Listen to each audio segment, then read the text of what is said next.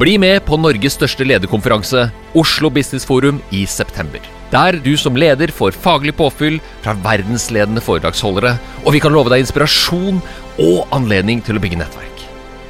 Klikk deg inn på obforum.com for mer informasjon og sikre deg din billett i dag. Business used to be. Some of the best speakers in the world. The purpose of business is not to maximize shareholder value. Whoever told you that, shoot them. It brings together so many people and creates this high energy environment. Powerful speakers, powerful audience. Det er veldig veldig hyggelig og veldig hyggelig å se dere. Mitt navn er Tor Hegnes. Jeg har jobba sammen med Marius og Kristoffer og Fredrik som er her fra Oslo Business Forum omtrent siden de starta. Tror helt i starten faktisk Og jeg er fortsatt med som en slags nisse på lasset. Har bakgrunn fra BI. Har jobbet mange mange år med stort sett unge forretningsutviklere, men også i programmer med eldre forretningsutviklere. Har foretrukket de unge. no offence. Eh, men jeg har sluttet på BI, så jeg driver med andre ting. Jeg er fortsatt i noen styrer. Jeg driver og bygger opp en fagskole som heter Neste steg for en veldig spennende oppdragsgiver. Det norske forsvaret og Olympiatoppen har nemlig et behov for å hjelpe veteranene sine i 30-årsalderen over i nye karrierer. Så det gjør jeg på heltid. Det er veldig spennende og veldig meningsfullt. Men akkurat her i kveld så skal vi spille inn en podkastepisode til OBF-poden. Og på denne flotte scenen står Kristin Skogelund. Her står Jan Christian, gitt. Og her står Marius. Så vi skal snakke om Future Focus Leadership, står det i notatene mine. Dårlig oversatt, men det er det vi skal. Og vi går rett på sak, fordi jeg lurer på Kristin i Skipsted. Hva skal til og her kommer det todelt spørsmål, for å tiltrekke seg de beste folka, altså de klokeste hodene, og samtidig få de som er gode, til å bli? Ja, men du, Nå fremsatte du det som en motsetning, men uh, det henger jo veldig tett sammen. For det nytter jo ikke å lure folk til å jobbe for deg med all verdens triks hvis det er noe dritt å jobbe der. Det finner de ut av veldig fort.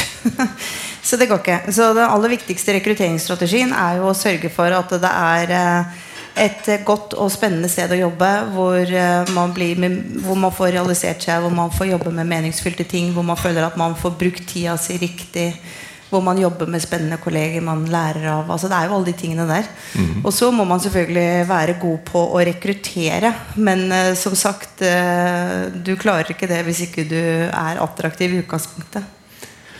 Johan Andresen var jo med på en pre-call. Han, han, beklager at han ikke kunne være her. Vi skal ikke snakke om folk som ikke er her Men han sa noe veldig snedig. For over de senere åra så har han, men, han mener at folk nå velger selskap. Og de kommer veldig godt forberedt. De følger ledelsen, de følger de mulige sjefene sine på sosiale medier, og de kommer og stiller type spørsmål som man ikke gjorde før. Stemmer det? Det er helt riktig. Og så er man uh, mye mer opptatt av uh, hvorfor. Uh, hvorfor skal jeg jobbe her? Ikke så mye i hva skal jeg gjøre, egentlig, liksom, men hvorfor skal jeg gjøre det? Altså det, der, og det å ha et tydelig formål som er reelt, og som faktisk er styrende for det du driver med det tror jeg er mye viktigere nå enn det det var bare for noen år siden. Så, og helt, du har helt rett. Altså, det er jo et uh, arbeidstagers marked. Og de som er uh, attraktive, de, de, vet det, og med rette. Og de gjør veldig godt grunnarbeid. Og ergo mitt første poeng om at du kan ikke lure noen til å begynne å jobbe for deg hvis ikke det er faktisk bra. Ja, Christian, Dette er jo musikk i dine ører. Du har jo bygd et selskap sammen med mange andre flinke folk. Mange av kollegaene dine er her. og er det rundt 100 mennesker der nå? I alle disse selskapene? Ja. Har det vært en endring i det? Ja, jeg vil si veldig tydelig. Og jeg, jeg, vet ikke om jeg er så glad for det, for det er veldig krevende. Si. Jo, altså, selvfølgelig. Eh, men, men, det er et veldig krevende situasjon, for, for, det er en enorm kamp om de talentene. Og så synes jeg kanskje Et par refleksjoner jeg har gjort meg rundt det, det er at det er mye mye vanskeligere i dag egentlig å vite om du har riktig kandidat foran deg. Fordi det er vanskeligere å dokumentere hva er det du egentlig kan. Det er vanskeligere å beskrive konkret hvilken oppgave du skal løse. Så, så det er hele tiden en veldig sånn 360-tilnærming til kandidaten. Og så kjenner jeg meg veldig igjen i det som eh, Johan snakket om. at Av og til når jeg har hatt disse intervjuene, så er jeg litt usikker på om det er jeg som har vært på intervju, eller om det er kandidaten som har vært på intervju. For det stilles så mye spørsmål om virksomheten og selskapet. Jeg husker jeg hadde en 28-årig kandidat som sa til meg 'Hvorfor skal jeg jobbe for deg?' Og det er jo ikke så lett å svare Ja, men er ikke det bra, da? Eh, Jo, Jo. jo. absolutt. Ja, ja, ja.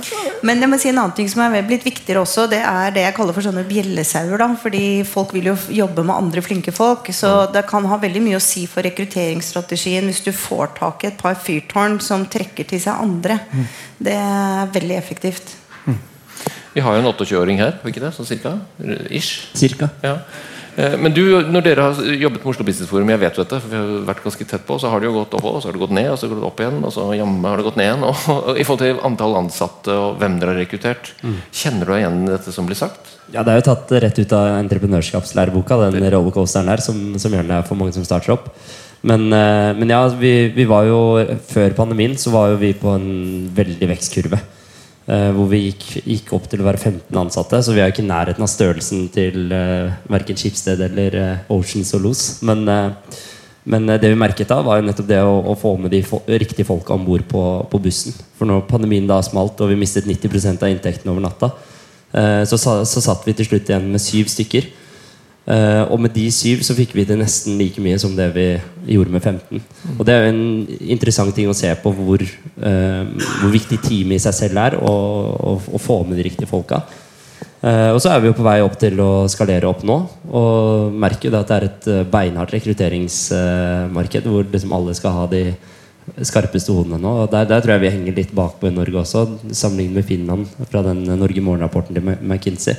Så utdanner vi jo halvparten av eh, det finnene gjør innen teknologikompetanse. Så, så vi har jo en, eh, har jo en vei å gå her.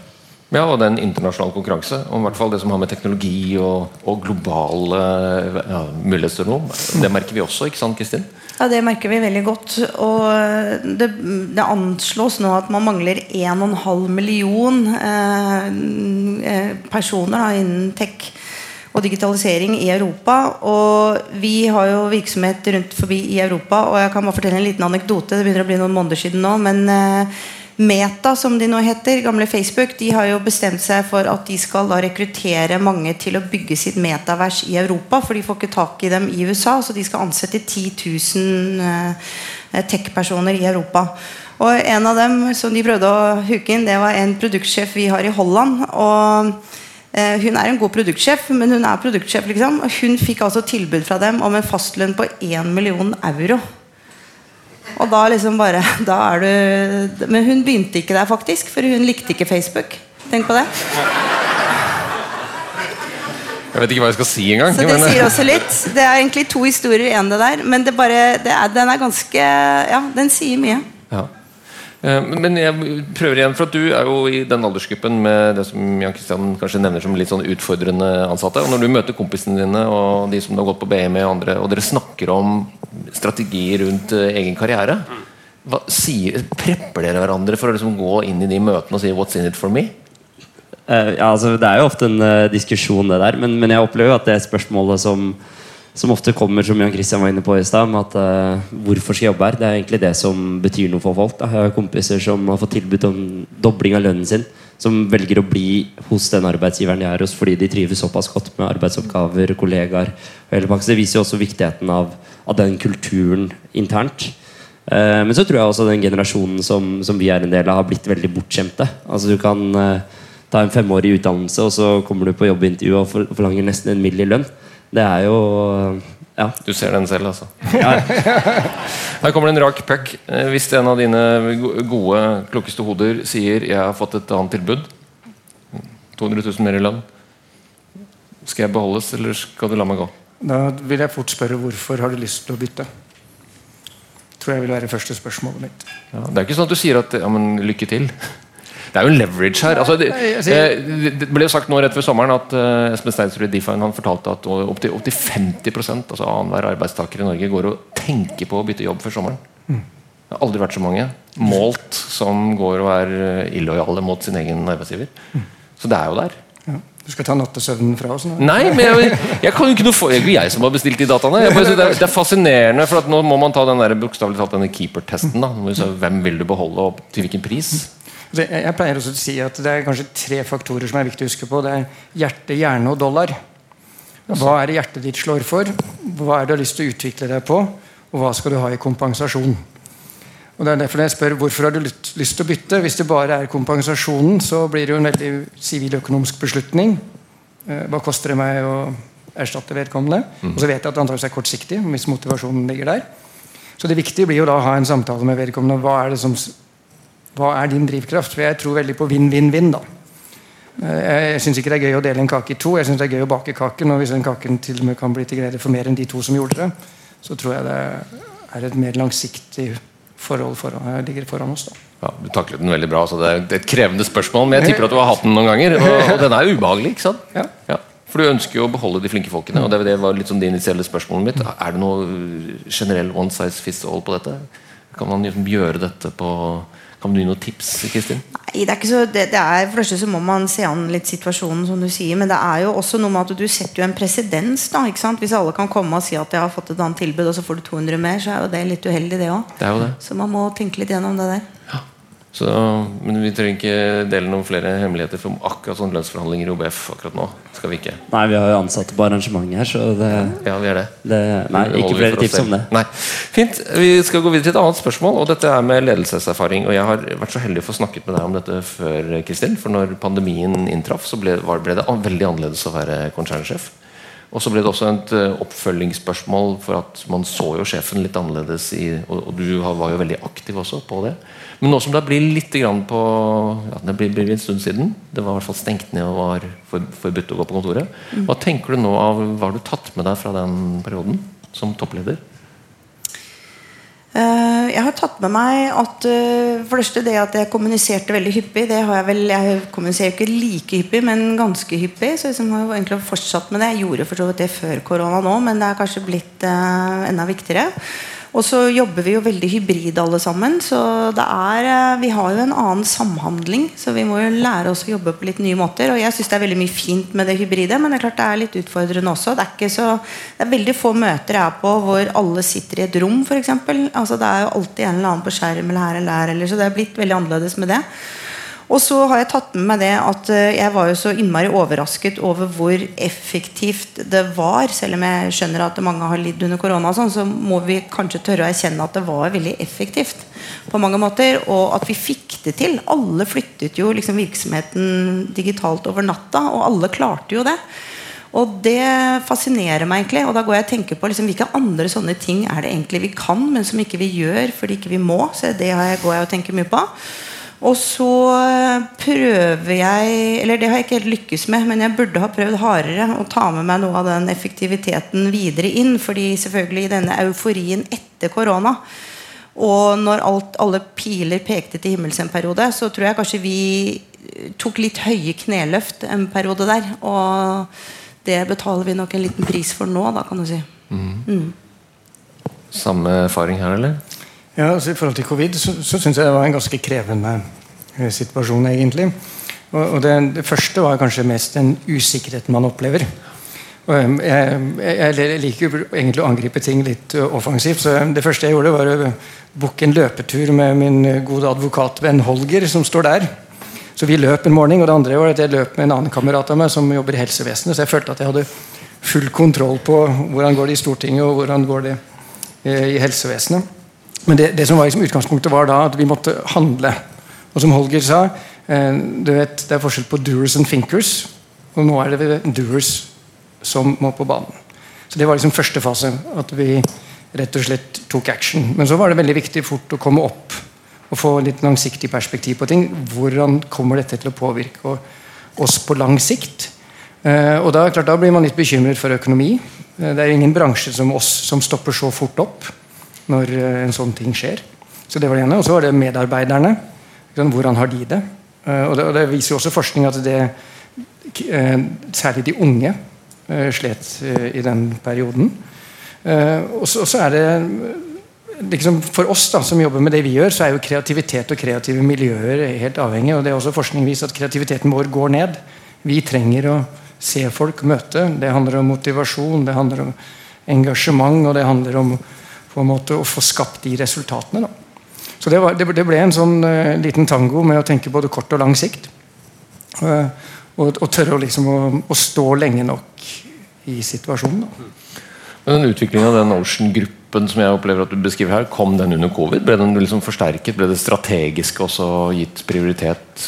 Ja, Nettopp det- fordi at det blir mindre kreativitet og kundeløsning på Hæren? Ja, jeg, jeg vil si at Det første vi gjorde, var å prøve å få um, kontroll på situasjonen. Vi har jo Hurtigruten som kunde. Og klart Alle, alle leste jo hvordan de hadde det i den perioden der. Så da var det viktig å få oversikt over medarbeidere og kapasitet. og sånn. Men så var det ekstremt viktig for oss å løfte blikket.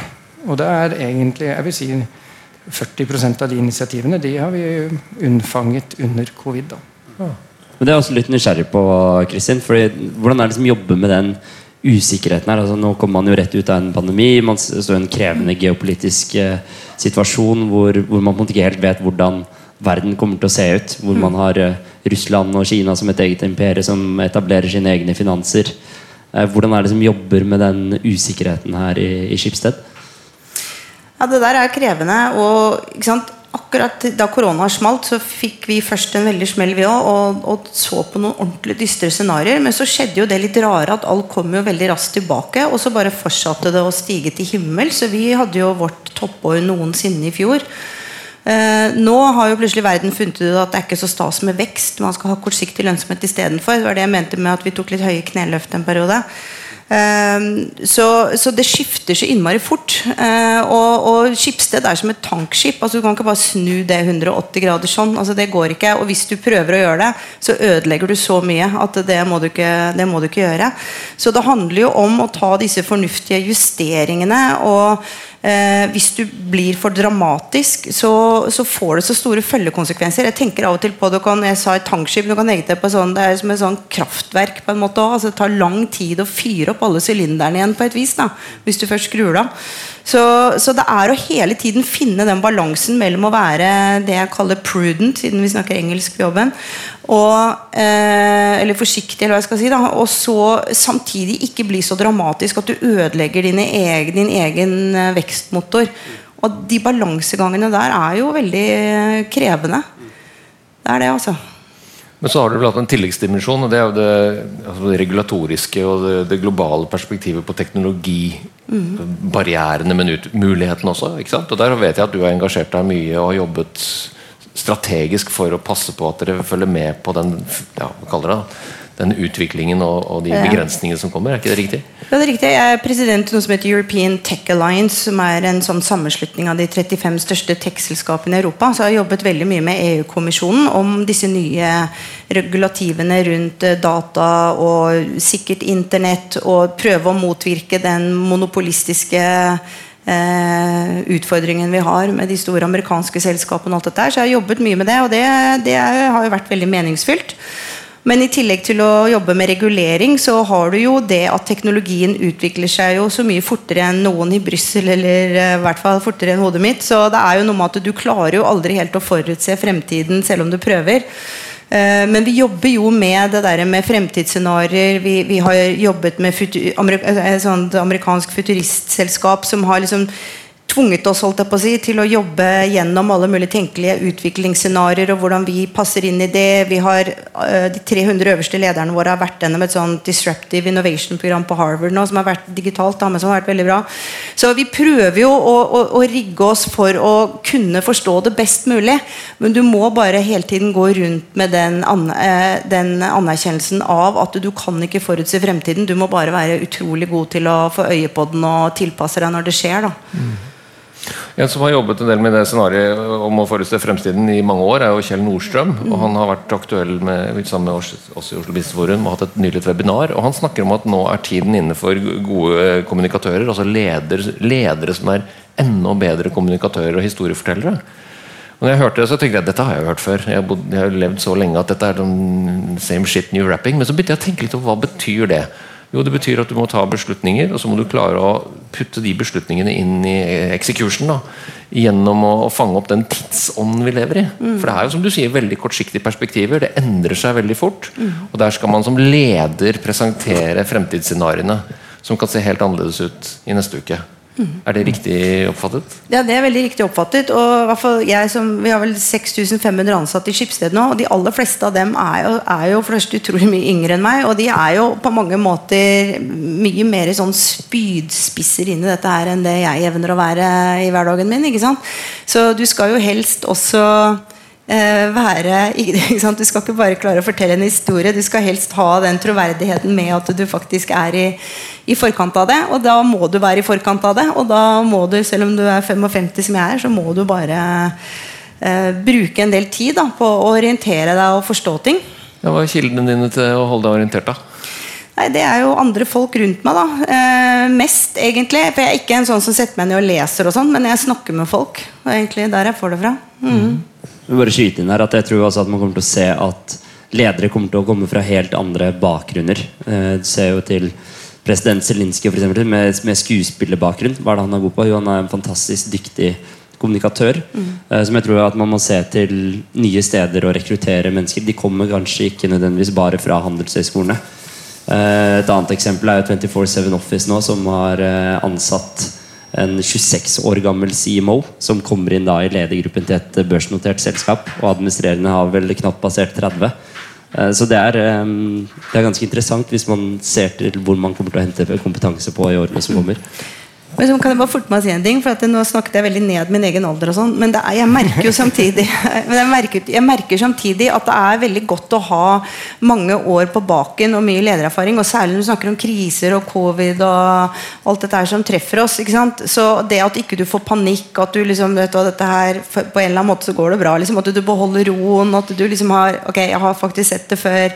Det har også en veldig veldig stor verdi, må jeg si. da Så jeg er som oftest veldig glad for at jeg har den erfaringen. bare så det er sagt Men jeg tenker kanskje kombinasjonen. da Men å være veldig bevisst selv på at du er i en fase nå hvor du faktisk må anstrenge deg for å være i front på noen ting. Ikke sant Som kanskje kom mer naturlig før.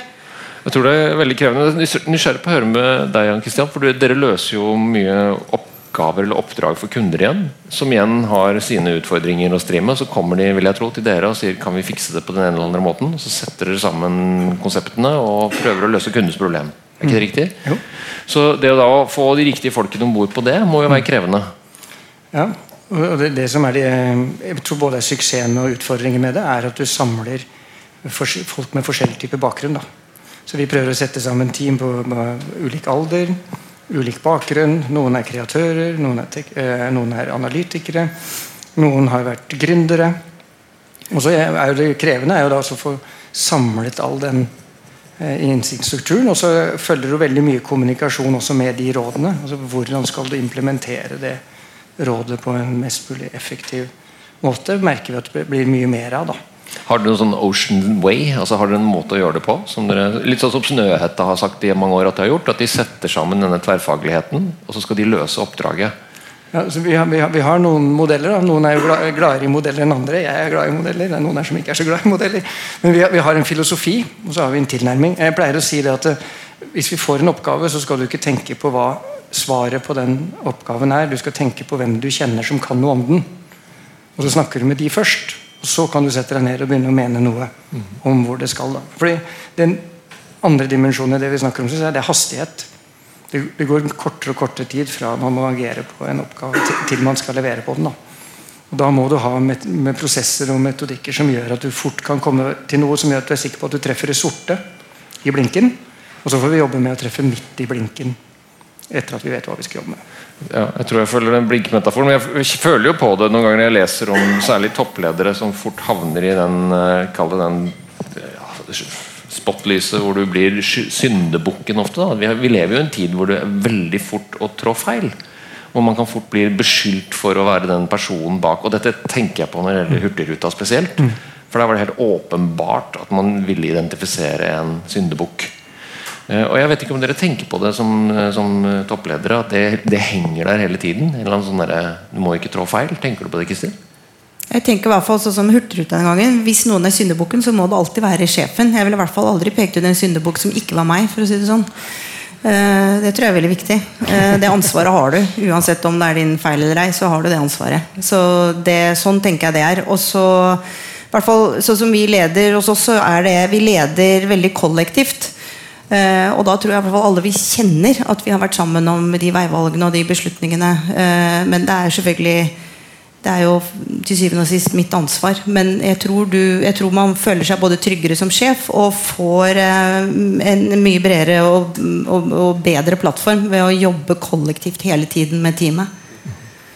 Så er det noe med hvordan du skaper den psykologiske tryggheten også i, i organisasjonen. Eh, Et fantastisk eksempel på det som vi har internt fra Oslo Business Forum, var eh, rett før pandemien så, så skulle vi ha en stor konferanse med, med 2000 deltakere.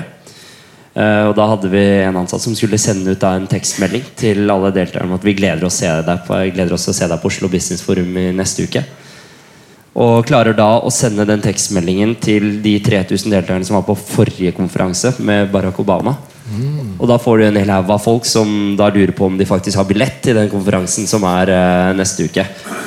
Og det er klart at det, det skaper det for, for den personen så var det en kjempetabbe og følte jo veldig på det. At, eh, at uh, han hadde tråkket feil. Uh, Men da husker jeg at Kristoffer, som er eh, vår CEO, han eh, kom inn i lunsjen og så hadde han laget en eh, liste over de ti største feilene han hadde gjort i Oslo Business Forum.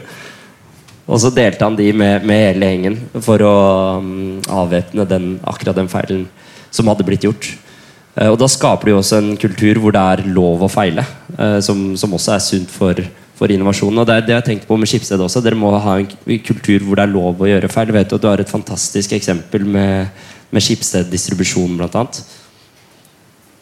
Hvilket da? Med, med Katrine Laksfoss. Ja, ja, Eh, men hva var feilen? Svosj? Eller hva var det du Nei, ikke, tenkte på? ikke nødvendigvis feil, men altså at du på en måte Du har en kultur hvor det er lov å gjøre grep. Eh, Skipsted var vel egentlig en avdeling som skulle legges ned. Om Ja, ja, ja. ja, ja, ja, ja. Jeg, jeg, jeg bare, hun har ikke gjort så mye feil. Hun har gjort, Nei, nei, nei. hun har gjort veldig Nei, mye det var riktig. ikke poenget heller. Nei, hun har gjort veldig mye riktig. Nei, Det er en veldig god historie. Jeg tror egentlig det det er en historie om, kanskje mer enn å gjøre feil, så er det en historie om å hele tiden retenke posisjonen din. Eh, og det som skjedde, Hun kom fra Posten Katrine, i 2013, tror jeg, og da trodde vi papiravisen skulle dø i 2017. Så hun skulle egentlig bare avvikle alt dette her med alle bud og allting. Og så kom hun inn, og så mm, tror jeg vi skal være ærlige nok til å si at det var ikke så veldig mange i Schibsted konsern som var så veldig opptatt av avisdistribusjonen sånn til daglig, så hun hadde nok litt fritt, ekstra fritt spillerom. Men i hvert fall så tenkte hun herregud, vi er jo på 90% av alle dørmatter eh, hver dag, og vi kan jo selvfølgelig velge å være i en døende avisbransje, men vi kan jo også velge å være i en gryende e-handelsbransje. Og så satte hun i gang med helt hjem og morgenlevering. Og, og så ble jo det Nå har jo det rundet av litt etter covid, men det var jo i et par år det, den raskest voksende delen av Skipsted. faktisk, Det har vært en kjempesuksess. Og det jeg syns er så kult med det, det er at eh, hvis liksom, avisdistribusjonen, som man kanskje kunne tenke på som den trausere delen av Skipsted, da, hvis de kan eh, reposisjonere seg og retenke fullstendig hvilken virksomhet de egentlig er i, da, hvis de kan gjøre det, da kan alle gjøre det. Så jeg elsker det eksempelet. Det er liksom ingen unnskyldning å si at dette er litt vanskelig og det går litt dårlig når pilene peker nedover. Ok, Da får du retenke hele greia, da. Men da er det noe med å ha den kulturen for at du faktisk kan, at du kan prøve. Absolutt, og det, er, det tror jeg vi er eh, flinke på. Og det var en av de grunnene også at jeg synes det var veldig gøy å komme tilbake til Skipsted. Fordi Skipsted er litt som et anarki, og det kan være slitsomt noen ganger. Men det fine med det er denne, at det virkelig er sånn at man er veldig bemyndiggjort. Eh, eh, som, altså, som talent da, i Skipsted så kan du virkelig gjøre ting, og du får de frie tøylene. Og det er det der rommet for å være kreativ og tenke annerledes. Så, så har vi nok en litt sånn manisk kultur på at vi hele tiden utfordrer oss selv og posisjonene. Det er ingen sånn tilfredshet. da. Så jeg tror vi er flinke til å ikke la gårsdagens suksess stå i veien for morgendagens eh, nytenking, egentlig. Det, det er vi gode på. Det er et, oppfølgingsspørsmål på det. for Dere har et svært økosystem med mange det, divisjoner og forretningsenheter. Er det et systematisk forsøk på å rullere på det, eller la folk få prøve seg på forskjellige steder? Hvordan er det i praksis? Ja, det, det er det. Og så er vi, vi er i ferd med å bli veldig mye bedre på det. fordi H, hele HR-rigget vårt er jo noe vi har jobbet veldig mye med de tre siste årene. Og fått mye mer sånn systematisert og datafisert. Og det må du nesten ha hvis du skal klare det i et så stort system. da. Så vi er i ferd med å bli mye bedre på intern mobilitet. Eh, og det er jo den aller viktigste måten å lære på. Så det er kjempeviktig. Ja, så Så jeg vil si ja, i ferd med å bli ålreit på det. i hvert fall. Vi har kanskje ikke vært så gode. Vi har vært litt sånn siloer som media var media, og Finn var Finn. og Det har vært litt sånn før, men det løser vi veldig opp i. For det er også fra innovasjonsboken vet du, Man ser jo den at den cross-disciplinary læringen Hvis man får til det internt i organisasjoner, så får man også en mye mer kraft i endring. Mm. Som vi alle må. Men det er også et veldig, en sånn balansegang i Skipsted. Det er, en, det er en veldig viktig balansegang mellom det der å være det der at, å la alle få lov til å blø for drakta, liksom, og det å tenke helhet, og her er vi sammen, alle sammen, og synergier på tvers og sånn. Det, er, det fokuset er ofte en litt motsats til det der blø for drakta. Liksom. Nei, men det er VG, ikke sant? det er det eneste jeg bryr meg om, det er bare at VG gjør det bra. Og, og VG gjør det veldig bra. Ikke sant? Og de, de er helt sånn de på det. Og det er noe veldig fint med det også. Og så hvis du da kommer liksom, jo, men nå har konsernet bestemt at vi skal heller gjøre det sånn. Det er ikke alltid så lurt. Eh, så det, men så er det masse ting du, det er smart å gjøre sammen. Så det, der, er den, det er en annen balansegang da, som jeg syns er veldig interessant å, å, å naile, egentlig. For å lykkes med å få det beste ut av begge deler. Da. Ja. Vi er rundt 70 selskaper, så det, det er litt av et puslespill det der. Ja, det er Historiens verste eksempel på det er kulturrevolusjonen i Kina på 60-tallet. Da plukket de jo folk og satte de ut De som var flinke på, til å skrive på skrivemaskin, de ble satt som bønder og omvendt. Ja. Og det gikk jo som det måtte gå. Det. Millioner av mennesker døde faktisk. Men, eh, men, men gjør dere dette? Rullerer dere, eller oppfordrer folk til å rullere? Eller utfordrer de? Har de på internship i andre avdelinger og, sånt, og slikt? Så Vi kunne helt sikkert blitt bedre på det, men vi ser nå etter hvert som vi har fått opp den strukturen, at vi ikke klarer å rekruttere fra en enhet til annen. Da. Og Det er ofte en, på initiativ fra den enkelte medarbeider først og fremst, som sier du, jeg kunne godt tenke meg å lære mer om det. Eller, um, også, ja, at, så det er det som skjer. Og så synes jeg Kristian er inne på et veldig viktig poeng. fordi når jeg presenterte Oceans i stad, så er det sånn typisk ikke med Oceans på toppen, og så ser man selskapene våre under. Egentlig så syns jeg man skulle snu det som om det var en gaffel. Og så er liksom hver tagg Det er den drakta jeg opplever du snakker om. Så Los og Co. de skal slåss for sitt fag, være topp tre i Norge på det. Noye skal gjøre det samme. TBA skal gjøre det samme. Og så skal vi som da jobber i Oceans, vi skal heller legge til rette for den flyten av talent, få inn rekrutteringer, invitere dere til et sånt arrangement som dette her. Så det er ikke Oceans som er viktig, sånn sett, det er egentlig de taggene på den gaffelen. Ja, Det er jo gøyalt med sånn bondemetaforiske fem på høygaffelen din, og så har vi Scootresker her med 70 pigger. Og så har vi hva har vi for noe? Vi har to pigger i Oslo Business Råd. Vi starter et nytt selskap snart, og vi, vi prøver jo. Vi prøver, Ja. men uh, det er noe med å ha en høy grad av å, å feile uh, og, og tørre å prøve. Det jeg tror jeg er det som egentlig har formet kulturen vår. Men prøve, teste, feile, justere, så blir veien til mens man går. Eh, Men jeg liker veldig godt når Kristin begynner å dra inn blø for drakta og liksom fotballmetaforer. Det det, det er veldig moro. Jeg hadde en gang en trener i Drøbak Frogn som var fantastisk leder. uten at Jeg tror han visste det selv en gang. Men den tryggheten som han klarte å skape i laget Vi hadde en, eh, som skjøt straffer, og i fotball så skal du ikke bomme på, på straffer. Og Før den sesongen her så gikk han bort til han som tok straffene, så sa han at eh, den sesongen her så er det helt greit at du brenner tre straffer. Og det er jo veldig, veldig unormalt å gjøre det i fotballverden For der er det, sånn, det er en forventning om at hver eneste straffe skal sitte. Eh, og resultatet ble det. Han bomma ikke på én straffe hele sesongen. Og, og da er man inne på akkurat det der at du, at du har forutsetningene der da, for, å, for å kunne lykkes. En vakker historie, det er mye psykologi i det å være leder. Er det helt Avslutningsvis så er det, Hvis du skal se fremover Kristin, med det å være leder i 2023-2024, altså horisonten fremover Du sa jo litt om hva du går og tenker på. altså Nærmest forløse potensialet. Gitt at det vi klarte å få til under pandemien, hva kan vi få til nå? Hva er, hva er, det, som er, hva er du mest opptatt av? Eh, Jeg er jo veldig opptatt av å skjønne hvor, hvor økonomien og alt er på vei hen, og hvordan det vil påvirke oss. For at, sant, det er, Vi er i en kjemperar situasjon nå, hvor det f.eks. i Norge går veldig bra, og det er liksom 100 000 ledige jobber, og eh, liksom alt er hunky-dory. Og så er det jo egentlig ikke det. Altså, Verden er jo egentlig på et slags økonomisk stup, spør du meg. Så det er et eller annet der som jeg går og føler litt på. At eh, hmm, blir dette en sånn covid hvor bare jøss, det gikk over og alt er kjempebra, gitt? Eller nei, det var et stup der. Jeg vet, det vet jeg ikke. Eh, så det tenker jeg mye på. Og så tenker jeg uansett om det er stup eller ei, så er det alltid smart å tenke motsyklisk. Og det er alltid muligheter som oppstår i sånne perioder. Vi snakket om det å få talenter i sted. Det er en del selskaper som sliter med finansiering, og da blir det litt sånn enes brød, den andres død. Da er det kanskje plutselig litt mer attraktivt å være etablert og ha god cashflow og sånn. Så det, det er en mulighet. Og veldig mange selskaper har jo blitt veldig billige nå. Eh, inkludert Schibsted. Men eh, det gjør jo i hvert fall at eh, det er noen kupp å gjøre der ute. Eh, så man istedenfor å bare gråte over egen aksjekurs, så får man heller tenke herregud, nå er det mye billige selskaper som er bra. Så man må bare være litt sånn i hodet sitt, tenker jeg. Snu det til noe positivt, og så gønne på. Fantastisk. Eh, noen tanker fra konsernbyggingen i Årsen? Nei, jeg tenker litt som Kristin, jeg tror det er veldig viktig å være optimistisk selv når det blåser rundt eh, ørene på oss. Det var, det var en klok mann som sa en gang at you need to put yourself in a situation where luck might happen. Uh, og Det er det jeg liksom også føler at dette arrangementet handler om. Jeg kjenner ikke noe alle her, men eh, jeg håper at det på et eller annet nivå er noe, så er det noen som treffes. Og så oppstår det noe, og da skjer det lakk. Og så blir det en god idé, og så blir det en mulighet for oss alle sammen. Ja, alle ideer har jo startet i det små. Ja. Ja, noen, noen til og med i kjelleren på Bay. Ja, noen av de er det. Men det, det er jo som Kristin sier, at det er jo mye om mindset. Eh, hvordan du møter situasjonen. Det var som Olaf Thon når, eh, når Airbnb kom. Så la han ut hotellrommene sine på Airbnb istedenfor å ta opp konkurransen mot det. Eh, og, og det er på en måte eh, tror jeg en av grunnene til at vi også gjorde et rekordår i OBF i fjor. var fordi man klarte å gjøre den omstillingen. Da, hvor du egentlig har hatt en forretningsmodell hvor ja, 90% av inntektene kommer fra fysiske billettkjøpere. Når alle de forsvinner over natta, da må du, da må du gjøre noe nytt. Og da så man jo virkelig potensialet i det digitale. Plutselig så hadde man over 10 000 stykker som fulgte med på Oslo Business Forum digitalt. eh, hvor man tidligere kanskje hadde hatt eh, 100. Fordi det ikke hadde vært et eh, fokus i det hele tatt. Så, så åpner man jo muligheter når det er, eh, når det er en krise.